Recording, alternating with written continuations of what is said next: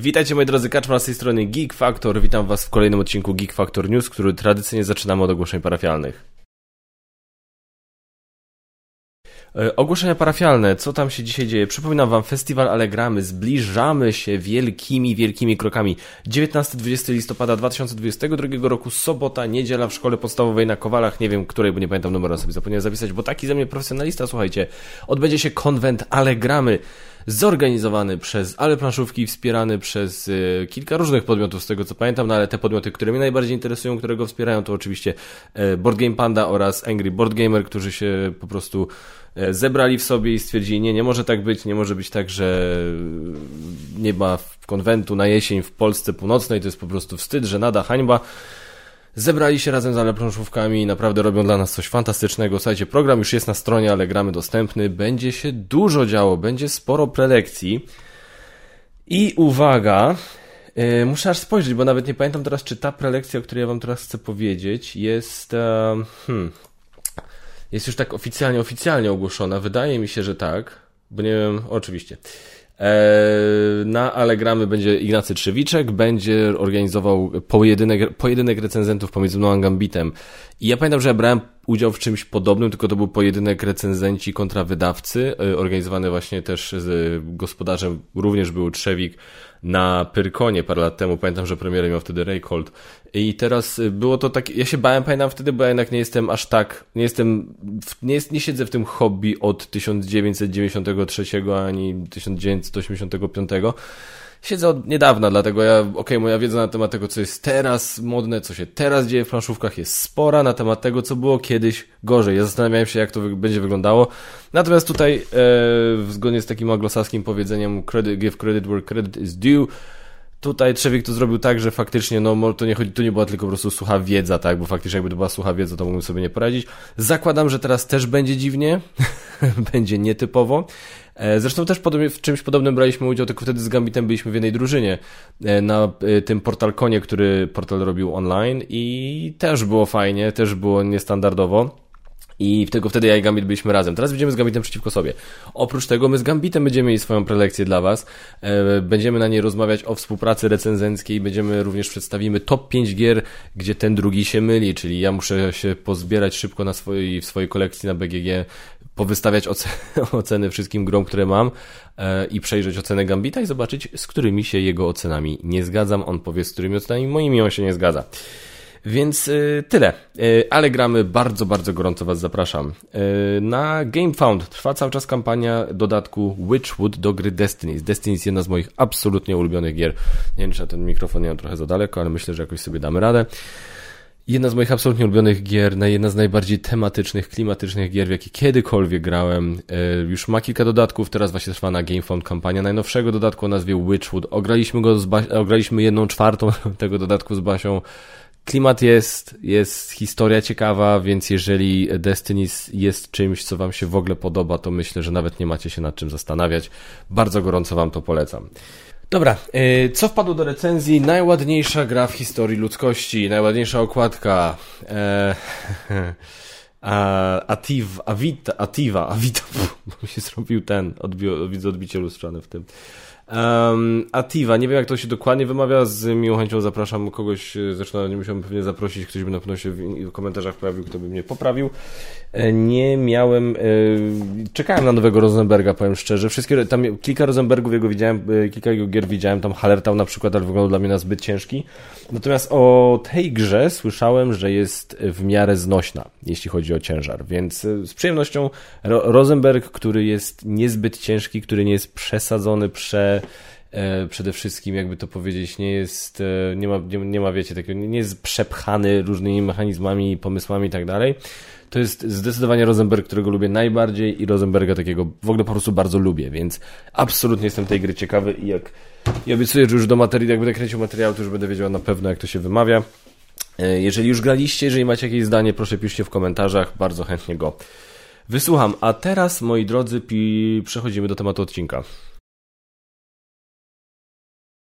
Dzisiaj w temacie odcinka rozmawiamy o planszowej grze roku, ponieważ niedawno ogłoszone zostały wyniki. E, rozmawiałem, komentowałem e, te y, nominacje do planszowej gry roku na kanale Ogrywamy.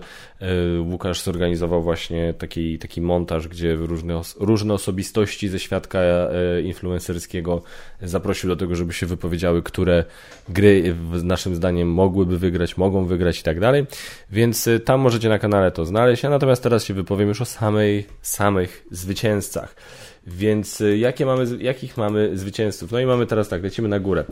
E, gra dla dzieci myszkowanie od granny. Nie grałem, nie gram w te gry dla dzieci już niestety. Moje dzieci w ogóle nie grają w gry, poza tym nawet no to jest trochę smutne w sumie swoją drogą, no ale to temat na inny odcinek. Um, natomiast w gdybym grał, to no Malwina jest za mała, żeby, żeby grać w takie, w, w, takie gry. Mam dla niej takie pierwsze gry od Trefla, które Tref wypuścił, bardzo fajne, ale w takie gry to jest zdecydowanie jeszcze za wcześnie. Jeśli chodzi natomiast o Leona i Zosię, no to gdybym z nimi grał, no to bym też nie grał z nimi w te gry, więc o tej kategorii nie mam bladego pojęcia, nie wypowiadam się, nie komentuję. Natomiast gratuluję Granniej za wygraną w, z myszkowaniem. Gra dla całej rodziny Kaskadia.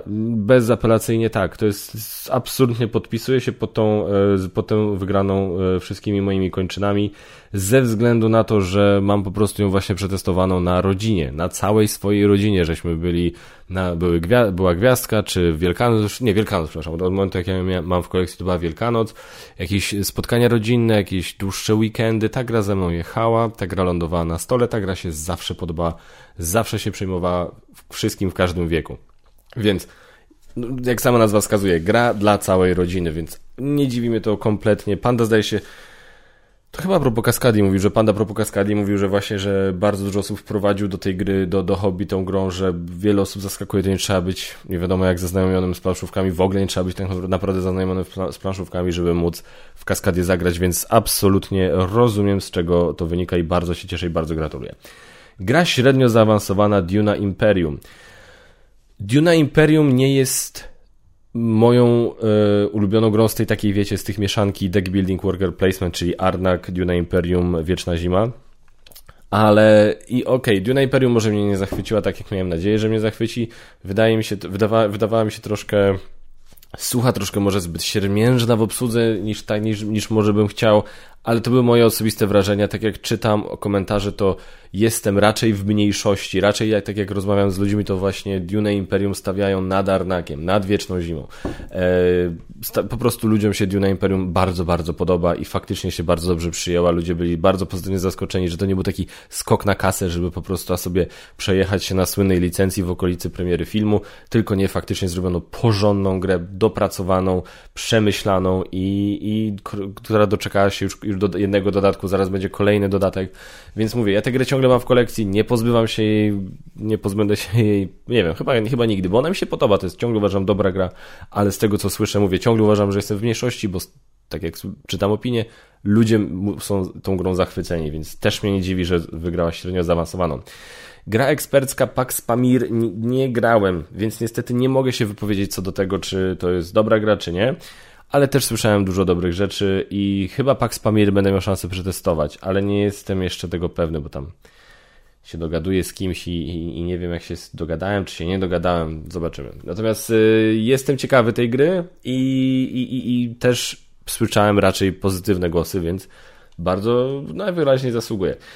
Gra imprezowa obrazki od Rebela. E, nie grałem, więc nie komentuję. Ogólnie też staram się nie wypowiadać o grach imprezowych, bo też w gry imprezowe za bardzo nie znam. Ja ostatnio jak grywam, to grywam w raczej skromnych gronach, najczęściej dwie osoby albo solo, więc jakby no imprezowe gry, tytuły tutaj nie, nie, nie wchodzą.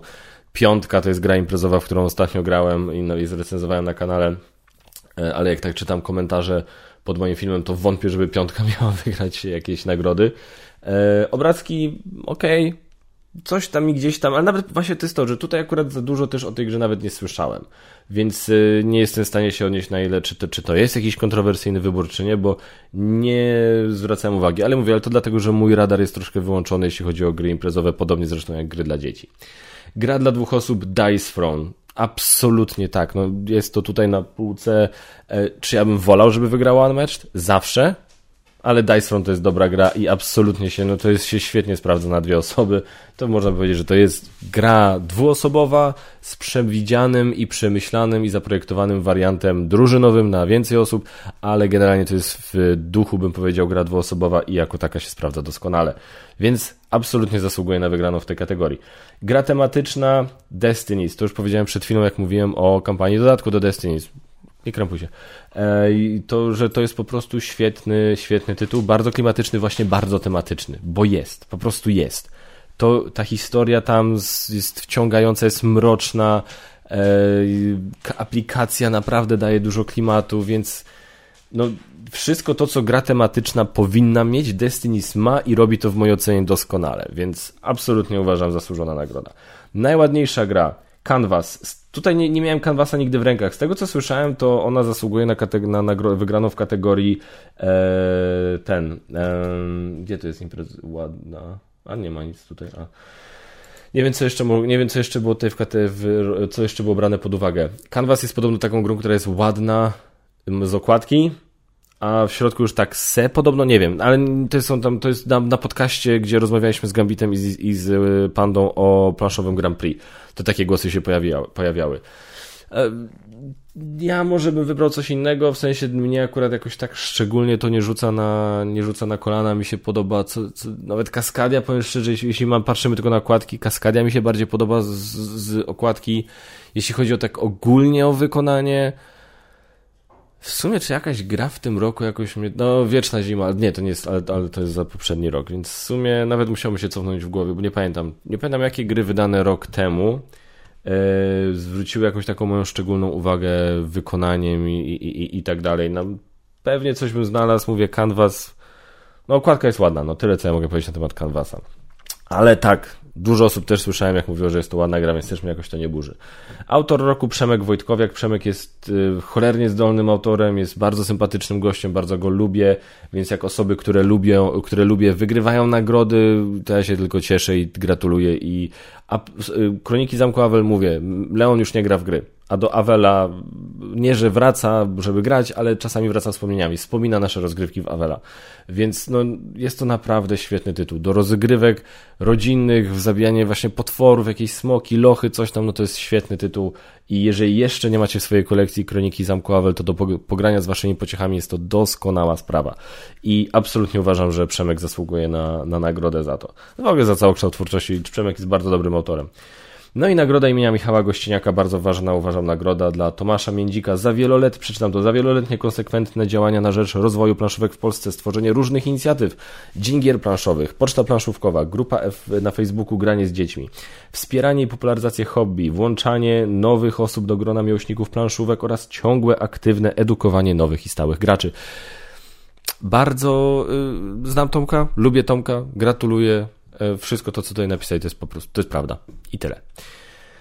Więc e, tyle, słuchajcie, no, no tutaj więcej nic do powiedzenia nie mam. No i teraz, e, jakby to powiedzieć, Pojawiały się oczywiście y, jakieś tam dziwne komentarze już oczywiście, bo się co roku pojawiają. Co roku się pojawiają przy okazji tego, jak są ogłaszane wyniki planszowej gry roku, to co roku się pojawiają komentarze, że ta gra nie powinna wygrać, to powinno wygrać to, że w ogóle to jest jakaś nie wiadomo co, że to jest jakaś popierdółka taka ta, ta nagroda, że to jest jakaś lipa, że to wstyd. Eee, ja powiem tak, ja już rob, zrobiłem materiał o planszowej grze roku, od, gdzie w Geek Factor News się wypowiadam o planszowej grze roku jako o nagrodzie. Jeżeli chcecie wiedzieć, co ja sądzę o tej nagrodzie, jak ona wygląda, jak ona moim zdaniem mogłaby wyglądać, jak powinna wyglądać, jak na ile blisko jest tego, jak moim zdaniem powinna i mogłaby wyglądać, zapraszam, odsyłam do tego materiału. Tutaj powiem tylko tyle. E, tak jak komentowałem każdy z tych wyborów, to myślę, że już widzicie, że jak dla mnie kontrowersji tutaj nie ma. To są absolutnie gry i tytuły, te, które ja znam przynajmniej, albo te, o których słyszałem. I to na podstawie tego, co ja o nich sądzę, na podstawie tego, co ja o nich słyszałem, mogę powiedzieć, że śmiało te tytuły na te wygrane w tych kategoriach zasługują. Oczywiście, czy ja w jakiejś danej kategorii wybrałem coś innego? Pewnie tak. Czy ty, który widzu, widzko, która to, który to oglądacie, wybralibyście w jakiejś kategorii coś innego niż to, co padło? Być może tak, ale to nie znaczy, że te wybory są kiepskie uważam, że tak jak na to, co w danej kategorii, e, jakby czego oczekujemy od zwycięzcy w danej kategorii, co, co zwycięzca w danej kategorii powinien sobą reprezentować, uważam, że te tytuły to absolutnie spełniają. Dlatego dla mnie, nie wiem, w wyborze, w tegorocznych wyborach nie ma żadnych kontrowersji. Wszystkim zwycięzcom bardzo gratuluję. E, naprawdę szapoba, fajne gry sprowadzacie, słuchajcie, do nas. I, i, I, tylko się cieszyć. I do zobaczenia za rok. Znaczy ja nie kończę, ale wiecie o co chodzi. No wiecie o co chodzi. E, lecimy z newsami. E, newsy, moi drodzy, więc tak. E, ma, miał powstawać bardzo fajny film o bardzo przyjemnej, przyjemnej i pozytywnej i normalnie wyglądającej pani Elizabeth Holmes. E, to jest to zdjęcie, które tu widzicie. Jest bardzo, bardzo takie ciepłe spojrzenie, pełne, widać, takie zapraszające do, do, do, do, do, do nawiązania jakiegoś kontaktu, do, do zbudowania więzi, do, do, do, do ucieczki na drugi koniec świata. To jest Elizabeth Holmes jest niesamowitą postacią. Bardzo gorąco zachęcam do poczytania o niej, do, do, do, do zobaczenia dokumentów, które można znaleźć. Dokument chyba moja żona oglądała na Netflixie, nie jestem pewny. E, natomiast e, Elizabeth Holmes w telegraficznym bardzo skrócie założyła firmę, która się nazywa Terranos i e, była to firma farmaceutyczna, przepraszam was, kurier przyszedł, a co będzie to, co tam było, to zobaczycie za tydzień. Za tydzień. Firma farmaceutyczna. No i teraz, słuchajcie, no, jakby to powiedzieć delikatnie, dopuściła się kilku przekrętów podczas zakładania, budowania, prowadzenia tej firmy. E, no, generalnie wyszło na jaw kilka e, ciekawych, kilka ciekawych faktów i takich nawet rzeczy na jej temat, które zwracały uwagę na zasadzie ona podobno E, jest kilka, e, jakby to powiedzieć, e, śladów, wskazówek sugerujących, że Elizabeth sobie specjalnie sił obniżyła sobie głos, żeby tak mówić. Ponieważ gdzieś tam wyobraziła sobie, czy usłyszała, czy ktoś jej podpowiedział, że jak ktoś mówi, wiecie, niskim, takim bardzo wręcz prawie, że praktycznie męskim, niskim głosem, to z automatu jest o wiele bardziej, jest o wiele poważniej traktowany niż wie, gdzieś coś tego i tak dalej, i tak dalej. Dlatego taki typowo, nazwijmy to jakkolwiek to brzmi, proszę tam nie rzucać się w komentarzach, typowo taki kobiecy, nazwijmy to delikatniejszy głos, nie wzbudzi, nie, według niej nie wzbudziłby szacunku, podziwu u tych wszystkich facetów, z którymi ona by musiała prowadzić biznesy. Dlatego sobie specjalnie ten głos tak obniżała, żeby brzmieć właśnie poważniej, dostojniej i tak dalej. To jest niesamowity kazus, bo był, a w jakimś wywiadzie jej się zdaje się wymsknęło i to nagranie można znaleźć bez problemu na YouTube, gdzie jej się ten prawdziwy jej głos się wymsknął. Więc jeżeli to jest prawda, bo to może być też tak, że ten, w sumie aż tak się w ten temat konkretnie nie zagłębiałem, ale jeżeli to jest prawda, to to jest, słuchajcie, to jest kosmos. Natomiast to jest taki, to jest taki, mówię, to jest wycinek. To, co ona robiła, te przekręty, kłamstwa, to wszystko, to jest gruba akcja. I teraz y, powstał na jej temat y, film, który się nazywa, e, jak on się nazywa, e, choroba, zapomniałem jak się nazywa, na tym, miałem zapisane, przecież miałem sobie zapisać. E, na Disney Plus. Wy już widzicie, bo widzicie Dropout, The Dropout. Y, film, y, który, w którym główną rolę gra.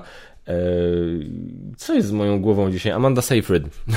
Dziękuję. Amanda Seyfried zagrała i w tym i dostała za to nagrodę Emmy. Zagrała świetnie. Basia to oglądała, ja tego nie oglądałem, ale parę tam scen widziałem z nią i powiem tak, no w tych kilku scenach ona była fenomenalna i faktycznie oddała bardzo dobrze taką osobę, która jest ewidentnie lekko niezrównoważona psychicznie.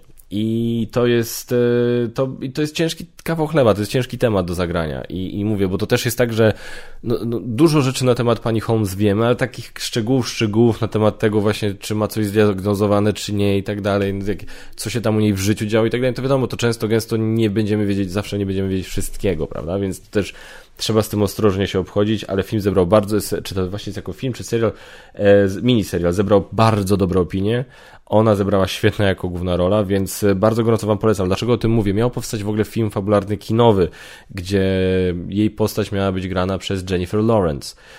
No i teraz film się miał nazywać Bad Blood, miał, miał to zrobić Adam McKay, który w, yy, reżyserował Nie patrz w górę na Netflixie. No ale Jennifer Lawrence powiedziała coś takiego, że jak zobaczyła The Dropout z Amandą Seyfried powiedziała, no nie, no to jest To jest świetne, to jest dobre. Ta już nie ma sensu, że ja robiła swoje. I zrezygnowała. Więc teraz, czy rezygnacja Jennifer Lawrence oznacza, że ten film się nie pojawi? Tego nie wiemy. Natomiast wszystkie znaki na niebie, na niebie i ziemi mówią jasno. Jeżeli jesteście ciekawi historii Elizabeth Holmes i firmy Terranos, a uważam, że powinniście być ciekawi, bo to jest cholernie ciekawa historia, e, to bardzo gorąco polecam serial na Disney+. Drugi sezon e, Sandmana będzie. Netflix ostatnio ogłosił, tam było to trochę niepewne, Netflix był podobno średnio zadowolony z oglądalności, nawet Neil Gaiman się tam zaczął wypowiadać i burzyć, ale w końcu Netflix stwierdził, dobra, dobra, dobra, spoko, spoko, spoko, będzie drugi sezon Sandmana, fani się mogą cieszyć, ja jeszcze go nie oglądałem, obejrzałem pierwszy odcinek, był ok, ale nie wiem, czy to, czy to do końca mój klimat i teraz minęło tyle czasu z kolei, że mam poczucie, że musiałbym znowu się cofnąć i obejrzeć pierwszy odcinek od nowa, a ja zawsze w takich sytuacjach, nie, się tak miotam trochę. E, ale nie wykluczam, że do tego wrócę. Premiera Last of Us 15 stycznia. Oficjalnie ogłosili, że serial The Last of Us oparty na bardzo znanej, mojej ulubionej y, grze wideo, czyli e, The Last of Us PlayStation, będzie na HBO 15 stycznia. I e, ja powiem tak. Jeżeli ktoś nie wie, co się dzieje w grach, w pierwszej i w drugiej części, to bardzo fajnie to taki mój ulubiony recy youtuber powiedział Jeremy, Jeremy Jones, że e, się z nim absolutnie zgadzam. To jest jak tylko będzie wam, jeżeli serial zrobią dobrze, a zakładam, że zrobią dobrze, bo to robi dobra ekipa, e, to jak będzie drugi odcinek, drugi sezon i pierwszy odcinek drugiego sezonu i wszyscy fani serialu zobaczą, dlaczego wszyscy fani gry byli tak wkurzeni, kiedy druga część The Last of Us wyszła. No ale czekam, bardzo czekam. Mówię, nie, nie jestem jeszcze przekonany co do aktorów. Nie wiem, nie, nie czuję za bardzo, chociaż lubię Pedro Pascala jako aktora, żeby nie było, on jest świetnym aktorem, uważam. Nie widzę go jako Joela, po prostu to nie jest Joel, nie ten, e, nie, nie, nie tak go sobie wyobrażałem. E, znaczy nie miałem sobie go co wyobrażać, bo go widziałem, przecież grałem nim. Ale mówię, no ale to jest świetny aktor, więc jestem otwarty, natomiast po trailerze klimat gry uważam w trailerze był oddany genialnie, więc bardzo, bardzo się cieszę i czekam na to. A propos trailerów, nowy trailer do Avatar The Way of Water. Bardzo gorąco, znaczy inaczej, co ja gadam, jakie bardzo gorąco, właśnie nie.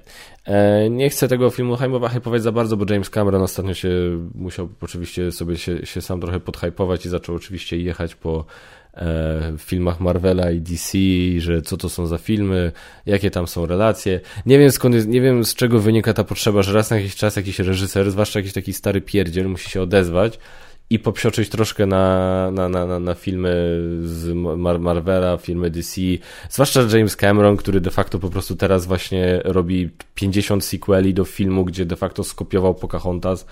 No to jest takie, nie ktoś nie lubi filmów o superbohaterach, nie lubi klimatów komiksowych, ja to kumam. Ja, to jest, jest wiele różnych klimatów, gatunków, które mi nie leżą i to jest okej. Okay to nie ma w tym nic złego. Tylko no ja na przykład nie chodzę i nie pierdzielę wszystkim dookoła, zwłaszcza fanom tych gatunków, że to są jakieś takie pierdoły, to są jakieś takie historie dla debili, to są jakieś takie, nie rozumiem z czego wynika ta potrzeba, znaczy, mogę się domyśleć z czego wynika ta potrzeba, ja na szczęście takiej potrzeby nie mam, ale właśnie, ale mówię, tak jak jeszcze wśród zwykłych internetowych troli i komentujących ja to widzę i to jest jakby, no, no jesteś Boże, no musisz się dowartościować, bo coś, co, coś tam ci, ci gdzieś tam nie gra, więc coś takiego musisz, w taki sposób, a nie inny próbujesz się dowartościować.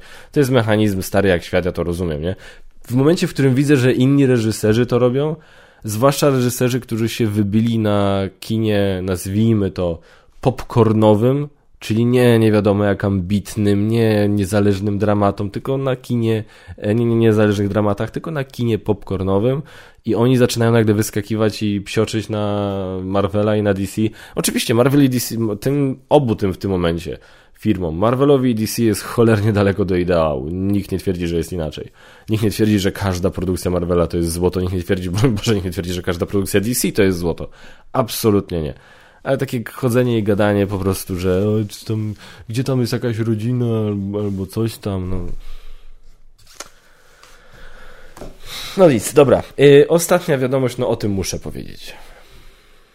Tak. Henry Cavill rezygnuje z roli Wiedźmina po trzecim sezonie. Y, Netflix ogłosił, że będzie czwarty sezon, no ale wtedy już Wiedźmina zagra Liam Hemsworth. Um, I powiem wam tak, to jest z jednej strony najbar, najmniej zaskakujący news Od dawna. Bo ja, ja, to było na, dla mnie to było oczywiste. Dla mnie to było na zasadzie nie czy, tylko kiedy. I to od momentu, jak tylko, go, jak tylko to ogłosili. Um, jak ogłosili, że Henry, znaczy inaczej, jak tylko to, jak ogłosili, że Henry Cavill będzie Wiedźminem. Bo jak tylko, jak oni to ogłaszali, to wtedy Henry Cavill może nie był, nie miał nie wiadomo jak silnej pozycji w Hollywood, ale miał ją, bo, bo wtedy tam nie wiadomo było, co się będzie działo z Supermanem, to było jakoś w okolicach Justice League, gdzie wiadomo, jak ta oryginalna Justice League sobie poradziła. No więc to wszystko było takie, nie wiadomo, co, co to będzie. Natomiast i tak miał na tyle silną pozycję, że ja czułem, że to jest tak, kurde, no ale Wiedźmin, ile mamy materiału źródłowego? Przecież to jest materiał na 10, 9, nie wiem ile sezonów. Tego jest sporo, to naprawdę można zrobić z tego dużą, dużą liczbę sezonów, tak? Więc nie widziałem za bardzo tego. No umówmy się, taki jeden sezon Wiedźmina, no to trochę trwa na nakręcenie go, więc nie widziałem za bardzo tego, w jaki sposób Henry Cavill miałby godzić rolę Wiedźmina z innymi filmami, zwłaszcza jeżeli miałoby wrócić, bo nie wiadomo było w końcu, czy wróci, czy nie, do roli Supermana. No i e, w, w miarę jak były kolejne, jak był pierwszy sezon wypuszczony, potem jak był drugi sezon, no to jakby jego pozycja wzrast, się wzmacniała, zbierał bardzo dobre opinie za to, za, za występ w Wiedźminie. Mało tego, pojawiła się w międzyczasie Liga Sprawiedliwości Zaka Snydera, więc ludzie sobie przypomnieli o jego Supermanie. Bardzo dużo osób pisało, że chciałoby w końcu, okej, okay, dobra, y, dzięki temu, że zobaczyłem Supermana y, z normalną twarzą, niezniekształconą przez usuwanie wąsów, to przypomniałem sobie, jak bardzo lubię Henry'ego Cavilla jako Supermana i chciałbym go znowu zacząć jako Supermana, więc fani zaczęli pisać petycje Restore the Snyderverse, albo żeby właśnie przywrócić Henry'ego Cavilla do roli Supermana. No I znowu nic nie było pewne, wszyscy tam, tam tańczyli dookoła tego pytania i tak dalej, i tak dalej. E, w międzyczasie Henry Cavill tam jakieś inne filmy zaczął e, bukować. Teraz będzie jakiś filmie szpiegowski Matthew Vona grał. I dla mnie to było takie, kurde, no ten Wiedźmin zaczyna coraz tam mniej pasować. Trochę tam się zaczyna co robić mu ciasno. I Teraz ogłosili, że e, Superman powróci. Będzie nowy film z Supermanem. Nie wiadomo ile filmów, nie wiadomo czy tylko sequel do Man of Steel, czy coś jeszcze tam będzie.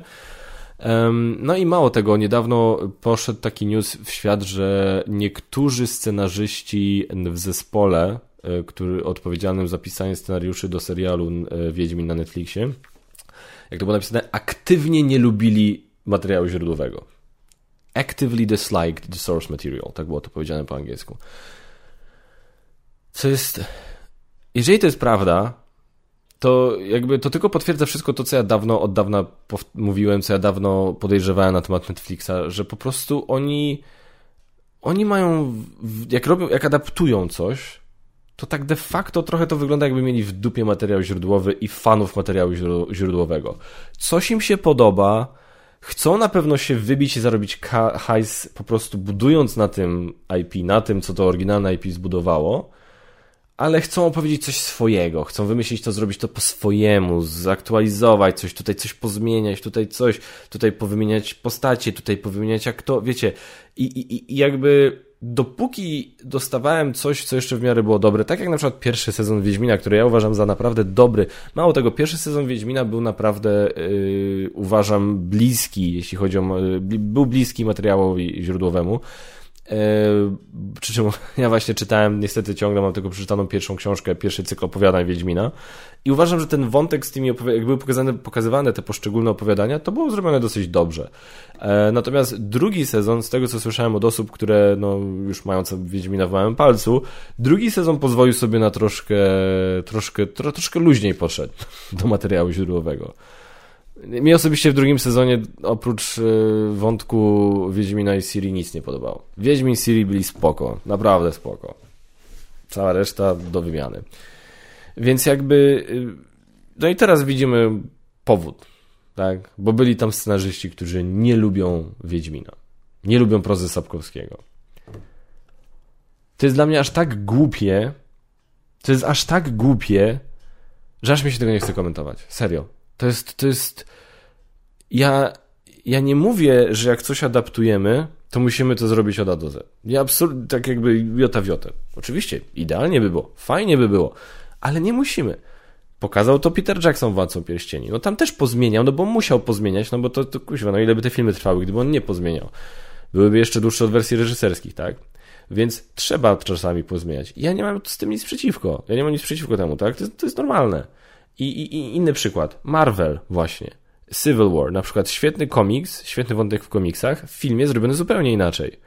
Ale było na tyle, że tak powiem, nawiązań, na tyle smaczków, że fani materiału źródłowego mimo wszystko byli zadowoleni.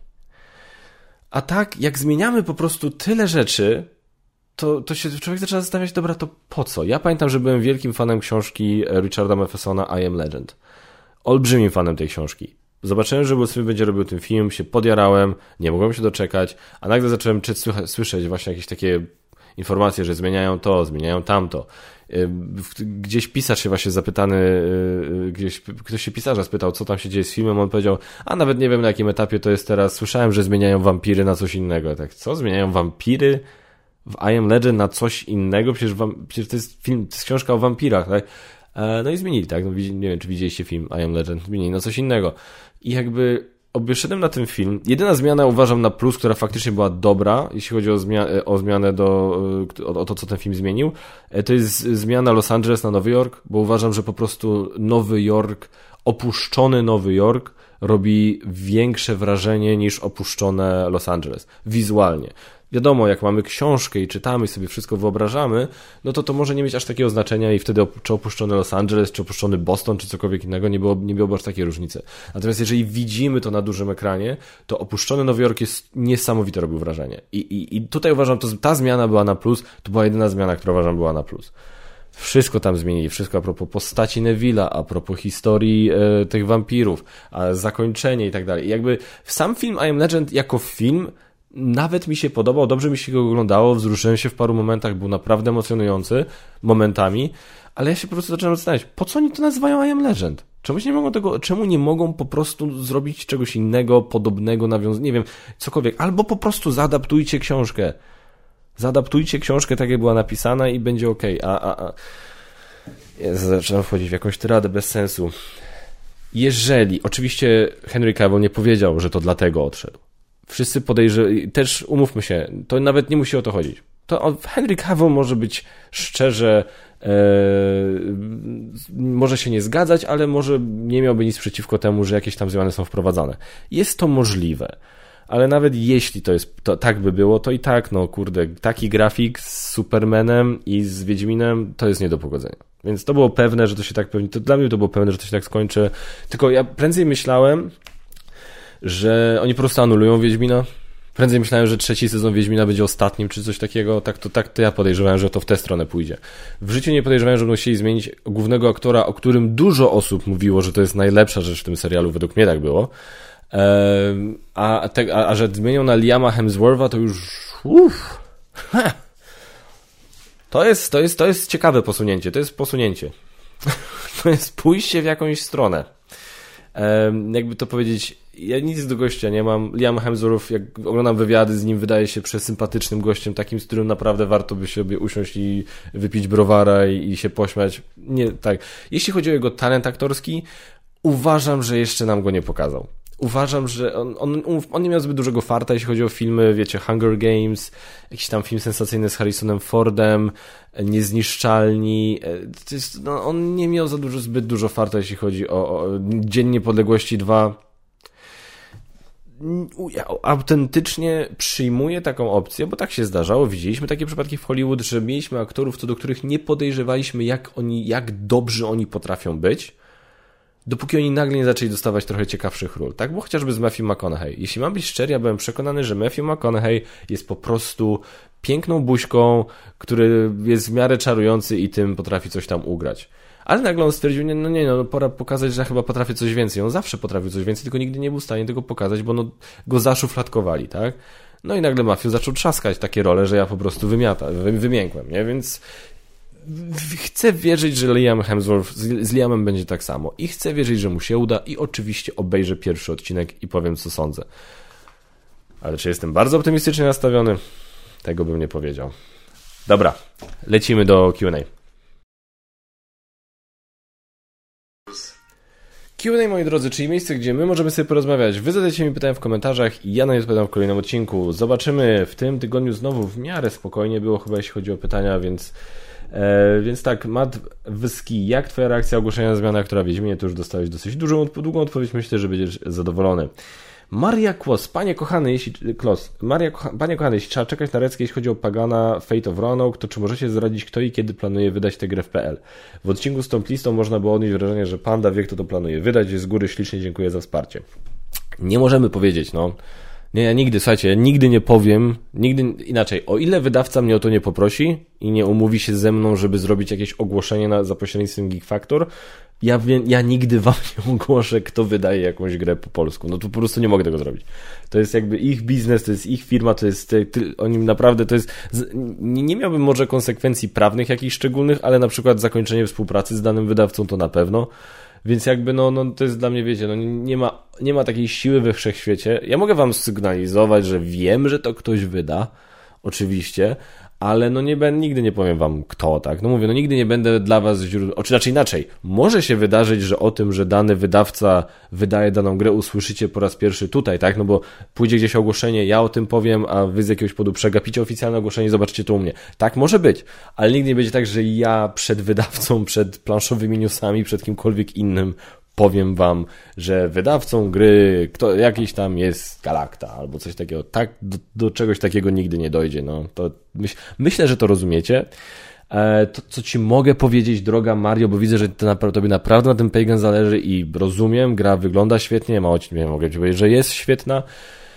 Myślę, że będziesz zadowolona co do wydawcy.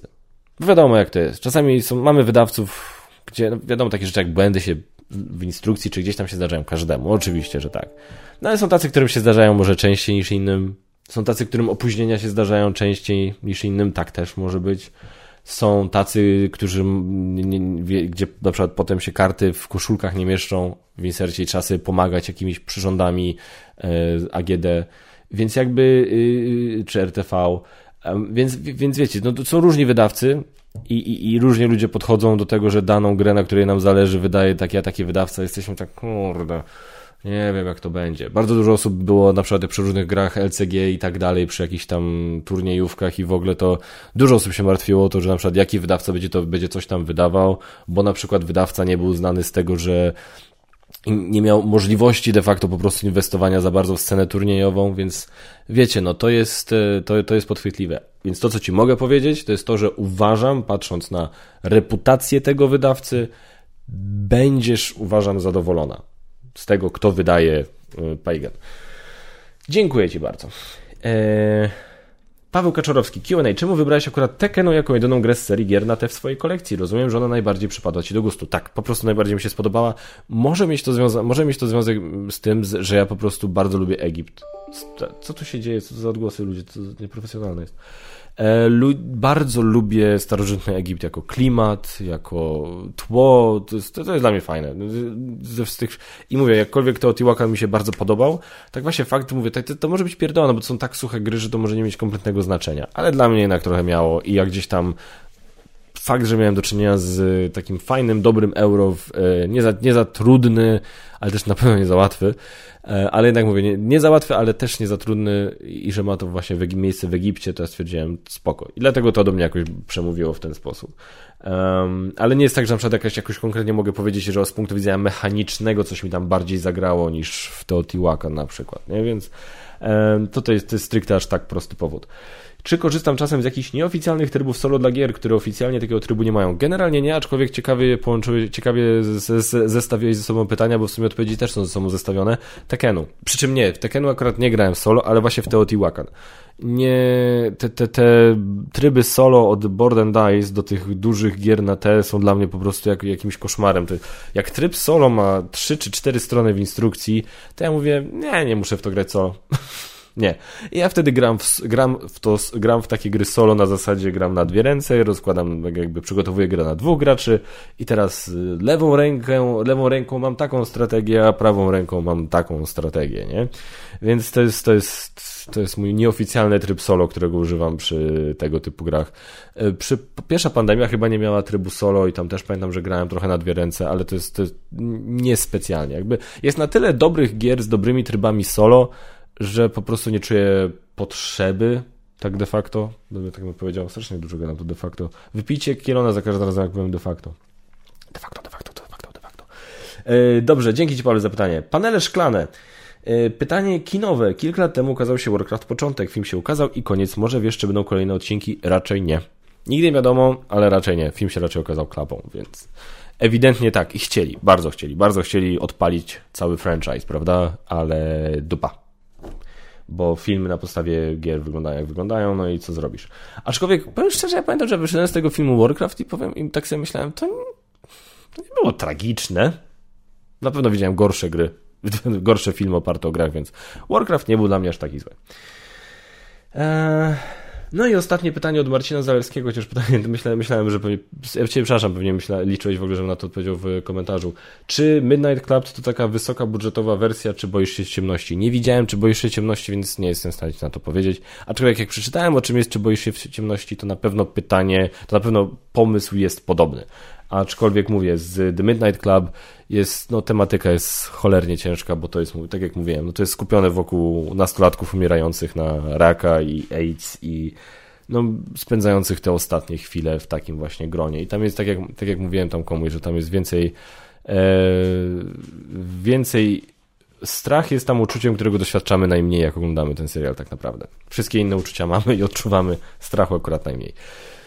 Tyle, moi drodzy, za tydzień Geek Factor News. Będzie normalnie. E, będzie normalnie, ja myślę, że ten e, piątek przed Allegramy, tam nie będzie Geek Factor News, ale do tego czasu wszystko będzie. Bardzo gorąco Was pozdrawiam, zapraszajcie, zadawajcie pytania, będę bardzo chętnie odpowiadam. A póki co bardzo Wam dziękuję i tradycyjnie zapraszam Was do subskrybowania, komentowania, lajkowania, ale przede wszystkim do oglądania, sam zapomniałem swojej formułki, i do grania w Atiwa, Atiwa, Ativa. Nie wiem. E, piszcie w komentarzach. Trzymajcie się, do zobaczenia w kolejnych odcinkach. Cześć!